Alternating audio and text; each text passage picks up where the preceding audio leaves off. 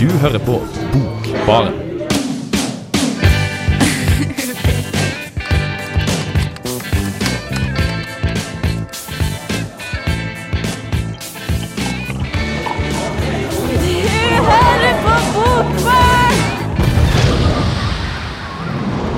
Hallo og velkommen til høstens første Bokbarn-sending. Jeg heter Mathias Samuelsen, og med meg i studio så har jeg Martin Ingebrigtsen. Hei, alle sammen. Og i dag så er det bare oss. Det her vil generelt bli en litt sånn litt avstumpa Bokbarn-sending, fordi at vår, vår, vår tredje og bedre eh, Idun, eh, vår tredje og bedre Idun Fivelstad er å danse. Hun er det, så det er litt problematisk eh, å få den sendinga til å bli like bra som den ville ha vært hvis Idun var her. Ja, Nesten like bra. Men vi skal likevel prøve uh, å, ha, å få på en måte starta opp det her, denne sesongen. Ja. Uh, og komme med litt sånn teasere og, og litt info om hva som skjer i høst. Og hvis uh, du er f.eks. ny student og akkurat har skrudd på radioen og hører på oss, så må du huske at fremover så vil det bli mye mer fokusert og energisk enn det her. Jeg, tror vi faktisk bare kicker i gang det hele med Grateful Dead og Friend of the Devil. Radio Revolt. Der fikk du I'm Oozing Emotion av The Chap. Det er et band jeg har hørt en del på i sommer. Noe som forklarer hvorfor Mathias er syk. Ja, og vi skal, vi skal fortsette å snakke om ting vi har um, gjort, eller da lest, da, i sommer. Denne sendinga så er jo, som jeg sa, jeg bare jeg og Martin, uh, Martin her.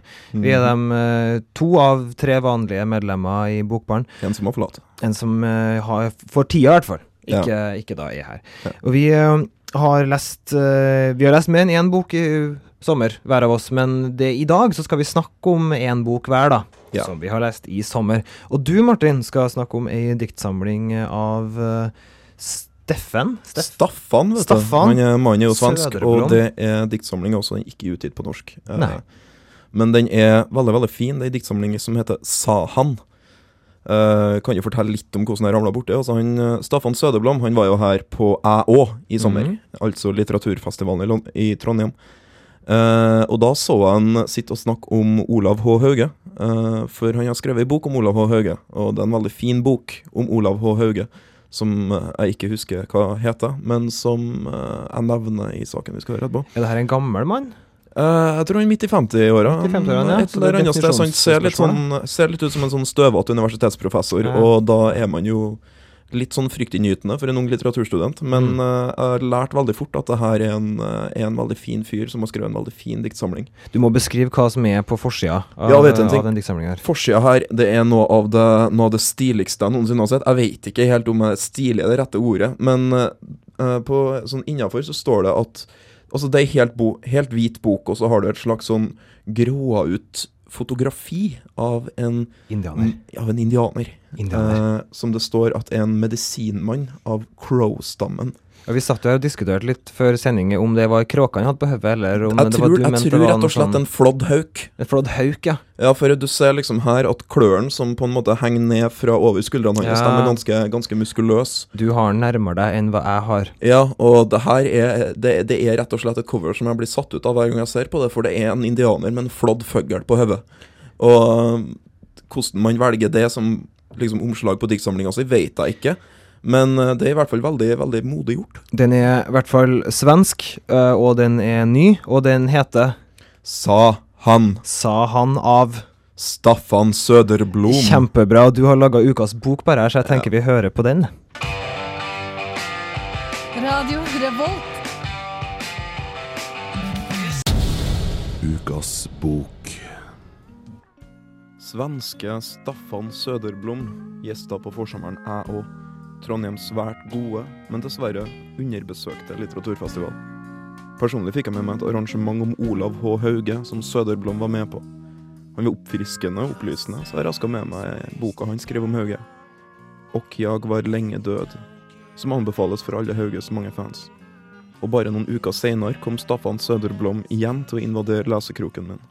Jeg fikk nemlig tilsendt et eksemplar av en splitter ny diktsamling med det klingende navnet Sa han, og jeg må innrømme at jeg ble mektig imponert.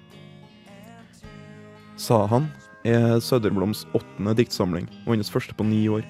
Den har fått undertittelen 'Moraliske dikter', noe som selvfølgelig ikke betyr at dette er en pekefingersbok, men heller at noe av det den utforsker, nettopp er moral, og hva i helsike det nå er. Og det er en viktig tanke å ha med seg inn i diktene. Utgangspunktet er den filosofiske grunntanken om at mennesket er et moralsk vesen, og med det i mente blir utforskninga av moralen først mulig gjennom en undersøkelse av mennesket, og vice versa. Eller noe sånt. Man kan i hvert fall si at undertittelen viser til noe mer dyptpløyende enn en ren tematisering. Undersøkelsen av mennesket foregår mellom to poler. Bevisstheten som utforskes, og den mystiske karakteren Han, som tittelen til diktsamlinga henviser til. Det er altså en som taler, og en som lytter, føler, tenker og opplever verden rundt seg. Men det er hva de her polene omfatter, som utgjør forskningsobjekter. Mellom dem beskrives en ganske sår identitet på kryptisk og ordknapt vis. Hvem det er som uttaler hva, er til enhver tid utflytende, og nettopp nødvendigheten av schizofrensk forvirring blir etter hvert sentral for å skildre dette menneskets virkelighet fra innsida. Samtidig er naturskildringen sentral i boka. Hele tida minnes vi om at mennesket er i berøring med og et produkt av sine omgivelser. Mest fremtredende fuglene som hele tida nevnes. Både som konkrete fugler og som mer mytiske skapninger, da de opptrer som en slags uforståelige budbringere. Søderblom har til og med inkludert såkalte spektrogrammer, som er et system for å gjengi fuglesang på et papirark. Det er altså ikke en enkel diktsamling, men hos meg snek den seg med i skulderveska og ble der i flere uker i løpet av sommeren. Og i løpet av sommeren ble den lest flere ganger, fra perm til perm. Det er nemlig ved fulle gjennomlesninger og virkelige dypdykk at den diktsamlingen her begynner å ta form og begynner å si noe som jeg opplever som veldig vesentlig. Og siden helheten dermed er sentral, er det vanskelig å velge et utdrag fra diktsamlinga. Staffan Søderblom sa han er rett og slett så helstøpt at den vanskelig kan reduseres til mindre deler. Men bare for å gi et lite glimt av den språklige stemninga det her er snakk om, så skal vi nå høre det diktet som for meg har blitt stående som beskrivende for denne juvelen av ei diktsamling. Fågelskrep i kanterna, sa han igjen, og menade med det et fikserad klokkslag. Et eksakt ord for saknaden. Eksakt. Denne satans saknad.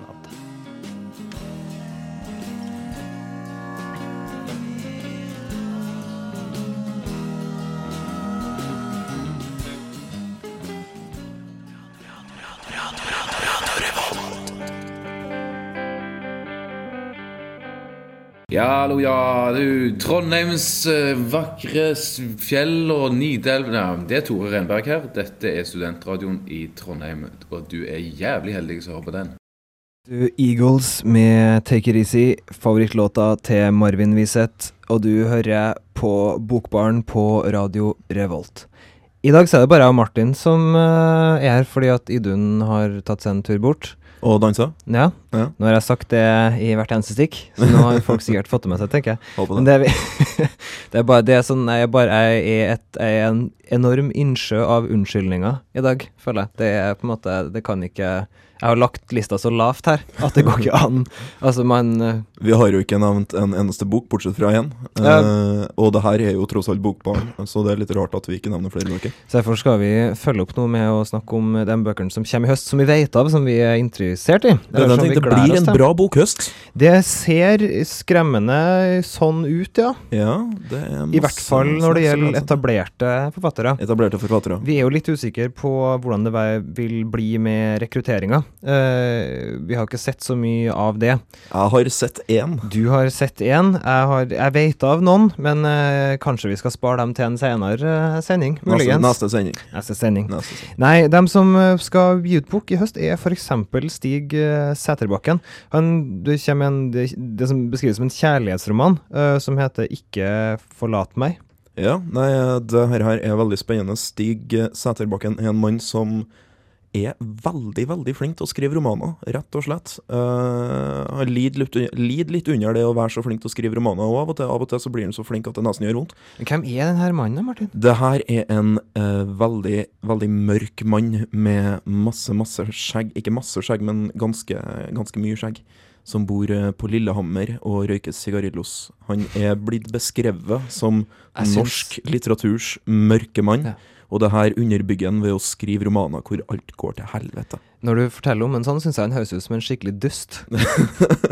at, at, at det, det er nok mange som synes at Stig er en dust. Mm. eh, For eh, han klarte jo som kunstnerisk leder av Lillehammer litteraturfestival å invitere han herre holocaust-fornekteren som het Irving. Mm. Uh, og når Irving ble eh, nekta innpass på, i det fornemme selskap, så trakk jo Stig seg som kunstnerisk leder. Jeg Så det her er jo comebacket til offentligheten med denne romanen. Ja, og, og vi får se om det blir mer blest rundt Stig Settebakken denne gangen. Andre bøker du kan anbefale av Stig? Vet du en ting? Han har skrevet to veldig bra bø bøker, de to siste nå, som Mm. het 'Besøket' og 'Usynlige hender'. Mm. er veldig veldig fine romaner. Eh, og det som er mest utprega med Stig Sæterbakken som forfatter, er jo det at han er så usannsynlig flink til å skrive. Altså flyt, ord, syntaks, alt sammen her er jeg har han fullstendig kontroll på. Mm. Og det er først nå de siste årene jeg synes han, han har begynt å nærme seg det som ser ut som gode plott i tillegg. Uh, og det er derfor jeg hver gang Stig slipper bok nå, går og er veldig entusiastisk. For jeg går liksom og venter på at mesterverket kommer. En annen forfatter som heller ikke er tapt bak en prosablokk, er Thomas Espedal. Thomas Espedal, vet du. Og han eh, må jeg jo si er en av mine uh, prosafavoritter. Ja, ja, Her i veldig landet. flink fyr. Han har jo der, altså Jeg må bare si med en gang at det er gitt ut en sånn en sånn, eh, en, en, en sånn samling av tre bøker som mm. heter Brev, biografi og Hva er den Og- siste? Og Eh, telegrammer. Ja, et- Dagbok. Det. dagbok, Ja, ja, dagbok, ja. Og den er fantastisk. Ja, nei, altså Um, Han leker seg med forskjellige former og er veldig flink til det. Og hans siste bok, altså 'Gå eh, eller kunsten å leve et vilt og poetisk liv', Ja. er altså helt utrolig god, da. Ja, Den er i Eh, hvert fall veldig velskrevet. Ja, og han kommer med, med en ny bok nå som heter 'Imot kunsten'. Jeg tror jo at Espedal kanskje ikke er direkte for nybegynnere, da. Eh, det må jeg si, jeg vil jo ikke skremme bort noen heller, for det her er jo Men kanskje hvis jeg sier det, så tenker folk at de skal prøve seg. Ja, en, nei, men eh, altså, jeg vil si at Thomas Espedal er en veldig underfundig forfatter, så man vet aldri helt hva man kommer unna med eh, når man har lest i boka. han. Men uh, han kan lese, han kan jo leses av alle, for guds skyld. Alle sammen er jo glad i brev og dagboknotater og sånn. Og ja da, og han er veldig personlig og veldig Mm. ærlig. Så han har, øh, han har, han har virkelig sånn gode innganger der. At Jo. hvis man er interessert i å snoke litt i privatlivet til folk, så kan det på en måte, kan det på en måte være noe. Jeg tror øh, vi skal få høre en sang før vi går videre. Skal vi se her, da, hva det er? Ja! Det er Ariel Pinks Haunted Graffiti med credit. Radio Revolt. Time. Der fikk du Ariel Pinks Haunted Graffiti med kreditt. Og jeg og Martin sitter og prater om bokhøsten. Ja, det gjør vi. Uh, vi, har, uh, vi har allerede nevnt at Sæterbakken og Thomas Espedal kommer med en ny bok. Men ei anna, dame som, eh, som I tillegg til Stig, Thomas, Stig og Thomas. ja. er Trude Marstein. Trude Marstein. Som vi var så heldige å ha besøk av uh, her oppunder jul Det var vi. i, i, i fjor. Den alltid sjarmerende og smellvakre Trude Eh, Marstein. Fantastisk dame. Men ikke nok med det, hun er jo, er, hun er jo en av Norges eh, aller beste prosaforfattere, altså. Det syns jeg egentlig ikke det finnes noen tvil om. Hun skriver romaner som det rett og slett lukter svidd av, og hun har en klart definert poetikk. Hun er bunnsolid hver eneste gang, og det her reflekterte jo den forrige boka hennes, som het hva, Mathias? Den het, eh, den het Å gjøre godt. Det gjorde den, vet du, og den ble nominert til masse priser, og selv om den ikke vant noen, så betyr ikke det at den ikke er verdt å lese, den heller. Den boka hun kommer med nå, heter 'Ingenting å angre på'. Ingenting å angre på. Det er en typisk eh, Marstein-tittel. Ja, det er, man, det er litt sånn at man vet at man blir overraska over et eller annet. For det som er artig med Trude, er det at når man setter seg inn i forfatterskapet hennes, så ser man, eh, så ser man konturene av noe som er veldig solid. Jeg er i hvert fall veldig spent, for hun har en veldig nøktern stil. Ja. Og en veldig sånn, eh, veldig sånn renslig måte uh, å skrive på. Det her, Hun snakker seg aldri bort. Eh, og, og, og, og det her Altså, det blir veldig spennende, for at den å gjøre godt var en veldig tjukk bok. Veldig tjukk og Mm. veldig omfattende. Det var jo mange, mange mange historier som fortaltes um, eh, parallelt. Eh, og den var en sirkulær bok, og sånn, så jeg, jeg er veldig spent på hva hun kommer til å gjøre videre. Mm. Men jeg har jo også lest en bok i sommer Jaha. Hva heter Eh, den, da? Simen, det, altså Forfatteren heter Simen Hagerup. Er det noe slekt med andre Hagerupene? Det tror jeg, uten at jeg skal påstå det. Jeg husker, husker jeg hørte han derre Pedro Carmona Alvarez en gang si de kan jo skrive hele gjengen deres slekt her. Ja, jeg Eh, tror de kan Denne boka heter 'Grufulle tomrom'. Det er da, eh, det er da bok nummer to fra Ja. Simen Hagerup. Han har gitt ut ei diktsamling før. Og det her er ei kule av ei bok, altså. mhm. Ja ja, mensan. Hva handler det om, da? Den handler om monstre. Mons... Og, Oi! ja, oi, oi, oi. Og zombier. Og, og leserinnlegg i avisa. Og, altså, Zombier, monstre og leserinnlegg, faktisk. Alt som er sånne uh, bastardfenomener, alt som er, er sånn spott mot naturen er, Vil du si at leseranlegg er et spott mot naturen? Mot det litterære. Det er- det litterære, liksom, hva, kan vi si? Altså, det her er på en måte der er det fri flyt, da. det er folkesport i å, i å skrive, liksom. Og det ene, det ene, det ene forvrengte bildet tar det neste.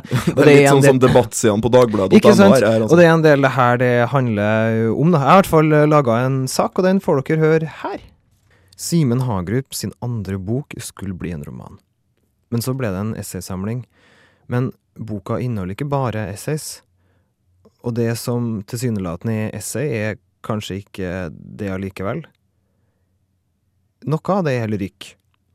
Og noe er kortprosa. Uh, noe er leserinnlegg, eh, kommentarer til dem. Noe er reiseskildringer, og noe ligner på noveller, kanskje. I det hele tatt er det her en ganske mangslungen bok. Og det kan muligens sies å være en bastard, eller kanskje et monstrum. Og det er jo akkurat det denne boka handler om. Gjennom 167 sider viser Hagerup oss den etymologiske og den kulturelle problematikken rundt monsteret. Fra de menneskeskapte zombiene til freaks av ulike slag til litterære monstre og blandingssjangre som f.eks. lesebrev. Foruten Hagerup selv, som forfatter eh, og guide for oss gjennom det monstrøse, møter vi også den meget sentrale figuren, leserbrevforfatterinnen Synnøve Edvinsen, som sprer sine tanker gjennom Fredrikstad Blad. Synnøve Edvinsen. Leserbrevene hun opp gjennom årene har skrevet til Fredrikstad Blad, er de bare drypp? Drypp i den daglige, ustanselige flommen av tekst, artikler, blogger, dikt for dagen, graffiti, insisterende innlegg, lærde triader, hyggelige hilsener, mer eller mindre misfornøyd mummel, rasende utrop. Overalt skal ytringer svare på ytringer, legge fram emner, ta opp tråder. Men hvordan skal jeg svare på et brev av Synnøve? Hvor renner det inn? Hvor renner det ut? Det kan virke som en eneste floke av tråder, røde som andre farger, men ingen jeg klarer å knytte an til. De er på ingen måte fremmedartede, disse brevene, men hjemlige, intime på en måte som gjør meg til en fremmed. De samme ordene som gir meg innpass i deres verden. En verden med kaffe og vafler, blomstrende tapeter, barnebarn og fuglekasser i hagen. Forbyr meg også å finne meg til rette i den. Skjuler alle indre forbindelser ved å fiksere hvert sitt enslige bilde. En eik, en murer, et fenalår. Hundrevis av velkjente motiver blir med ett som biter fra like mange forskjellige puslespill. Og jeg tiltrekkes av det som støter meg vekk. Røres av lesningens lammelse. Gripes av et ønske om å utforske denne verdens vrimmel av blindveier. Oksymoroner, parantoser, anomalier, soingmaer, anakolutier. Noe som overhodet ikke henger på greip. Overalt er det mellomrom, underforståttheter, sprang og huller i tankerekkene. Alle Synnøve Edvinsens private assosiasjoner som jeg ikke kjenner, selv om jeg prøver å gjette meg til noen. Selv assosierer jeg til en litterær teknikk verden enda ikke er moden for. En stream of consciousness, så frisinnet at den rett ut har sluttet å kommunisere. Som i brevet 'Trapper, tepper og blå tøfler', hvor både tittelens 'Trapper' og 'Tepper' behandles. Men tøflene kun opptrer i en eneste setning. Det er ikke helt rettferdig å bruke overskriften 'Trapper, tepper og blå tøfler' når en opplevde så mye også, sto det i Fredrikstad Blad den 7. i 8.01. Hvor ble det noe av tøflene i denne teksten? De måtte ta beina på nakken, slik så mye i Synnøve Edvinsens verden måtte ta beina på nakken for å halse etter tanken. som løper sjumilssprang gjennom landskapet. Fjell slås over ende og blir liggende og blokkere veien. Ved uoverkommelige revner i jorda møtes setninger som for å måle krefter, men i all vennskapelighet stanger over avgrunnen med hvert sitt blikk festet i dypet. Alt tøflene etterlot seg, et avtrykk, en fordypning, et ørlite fravær av blått. Gjennom tett tekst med rike fotnoter og forklaringer gjør Hagerup et forsøk på å rydde opp i Edvinsens løpende tanker, og kanskje sine egne.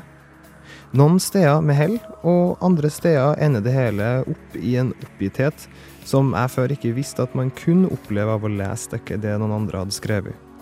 Leserbrevene de dekonstrueres på en glimrende måte, og det hele resulterer i fornøyelig lesning, uten at det egentlig går utover Synnøve Edvinsen som person. Hun har en vidunderlig fantasi, men er og blir et litterært monster. Det er lett å tenke på de teoretiske bakteppene for denne boka. Flere franske navn rant meg i hu i løpet av lesninga. Men Hagerup har vært smart nok til å også bidra med kilder som ikke så ofte opererer i norsk skjønnlitteratur. Fra gamle legejournaler til nyere vitenskapelige avhandlinger. Han har virkelig gjort god research, og prosjektet ender meget vellykka, selv om jeg kunne ønska at de vitenskapelige essaytekstene fikk mer overtak over de skjønnlitterære i løpet av boka. De lyriske innslagene er det heller ikke noe å si på. Men å anmelde dem her ville ha vært en oppgave i seg selv, så det lar jeg heller lytteren prøve seg på. Skal man kritisere Hagerup for noe, må det være, være det punktet som jeg også opplever som være noe av det sterkeste ved boka, at den spriker så mye som den gjør. Iblant kan deler virke unødvendig eller malplassert, men leser man det her i det overordna prosjektet, virker det helt naturlig. Jeg trivdes meget godt under lesninga, og er overbevist om at Simen Hagerup er en mann for fremtida. I hvert fall som essayforfatter og etterforsker av de abnormale strømningene i vår historie. Dette er et av de tilfellene hvor boka faktisk snakker bedre for seg selv enn hva jeg kan gjøre for den. Plukk den opp og les den om natta, hvis du tør.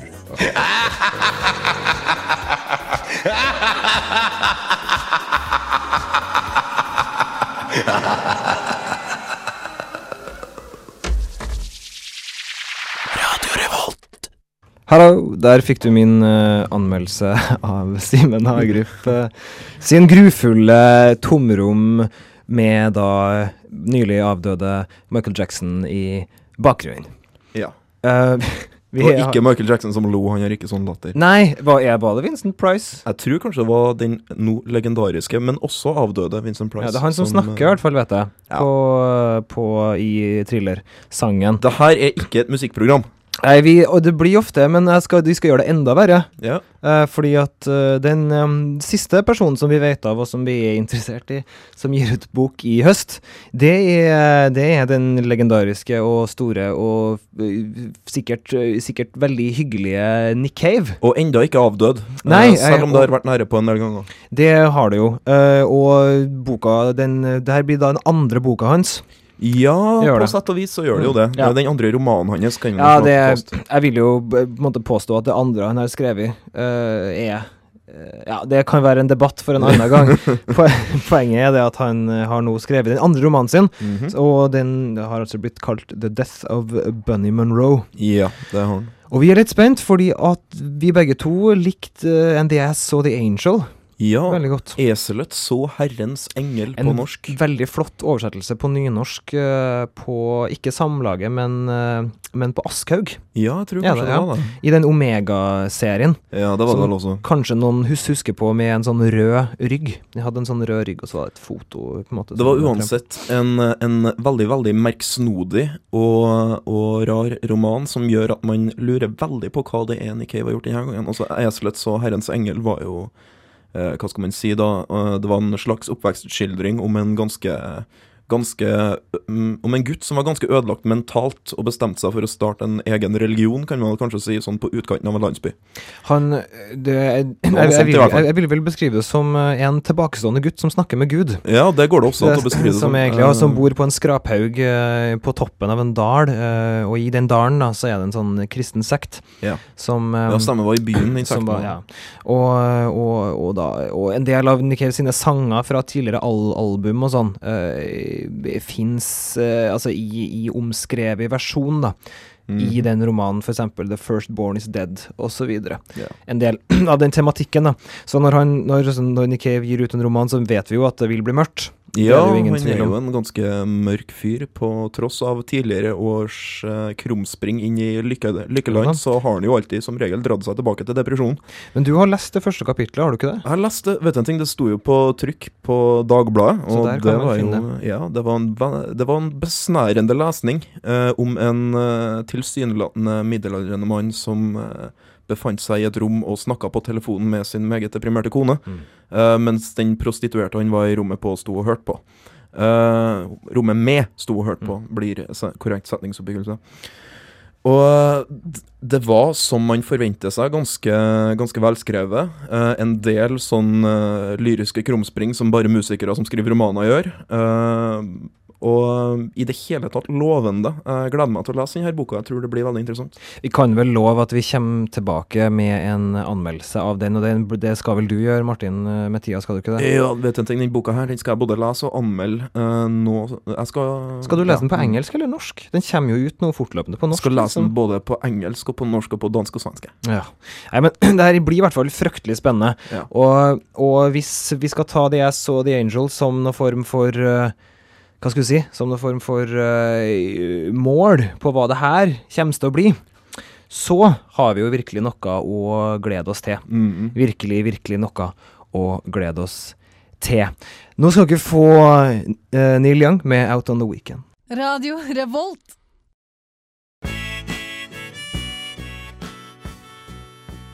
Hei, det her er Josten Pedersen på Radio Revolt. Radio Revolt, 12 points. Ta det fra Jostein Pedersen uh, der, altså. Og, og Neil Young, selvfølgelig. Aldri en Bokbarn-sending uten Neil Young. Opptil tre ganger. Martin, hvorfor skal neste Bokbarn-sending handle om meg? Vet du, Mathias, det er fordi du har skrevet en diktsamling. Nei. Jo. Nei. Jo. Ja, det har det. Og, og neste skal bare handle om, om meg. Det, det er helt sant. Jeg har gleda meg veldig til denne sendinga som skal handle om deg, Mathias. Kan du Eh, røpe noe? Jeg kan røpe noe. Det skal handle om en forfatter, en ganske lovende ung forfatter som heter Mathias Reinholt Samuelsen. Som har skrevet en diktsamling på Kolon forlag som heter 'Utredning om trengsel'. Vil du si at han er blant de ti kjekkeste forfatterne under 25 år, f.eks.? Jeg vil absolutt si at han er en av de ti kjekkeste forfatterne under 25 år. Uh, han er, han er, han er opptil flere lister, og vi skal gå gjennom flere av dem neste sending. Eh, blant annet lista over de ti kleineste forfatterne under 25 år. Oh, ja. Ja, ja, for du er jo litt klein, Mathias. Jeg er litt klen, men jeg kan, jeg kan jeg kanskje få- er de, de ti peneste under 30? Kan vi gå dit? Kan vi, kan, kan vi strekke strikken? Ja, vi kan det. Du er en veldig pen ung mann. strikken, ja? Eh, Du er en veldig pen Hvordan ser jeg ut da, Martin? Du eh, ser ut eh, litt som en ung tysk ubåtkaptein fra andre verdenskrig. Du vet hva jeg vil Eh, høre. Du vet ja. hva jeg vil høre. Med, det, med de gylne, gylne, glatte lokkene dine og det sparsomme skjeggveksten, så ser du rett og slett ut som en ung romersk yngling, og det skal vi snakke mer om neste uke. Jeg tror vi skal det, så vi får vel bare si at det her var på en måte det vi hadde å by på i dag. Du har fått hørt litt om hvilke bøker vi kommer til å lese utover høsten, og hva som skjer f.eks. neste sending. Jeg heter Mathias Samuelsen. Eh, jeg hadde med meg Martin Ingebrigtsen her på min venstre side. Og Trond Storønning har vært tekniker. Nå skal dere få kose dere med på tirsdag etter oss, men før dere kommer så langt, så skal dere få høre Al Stewart med 'Year of the Cat'.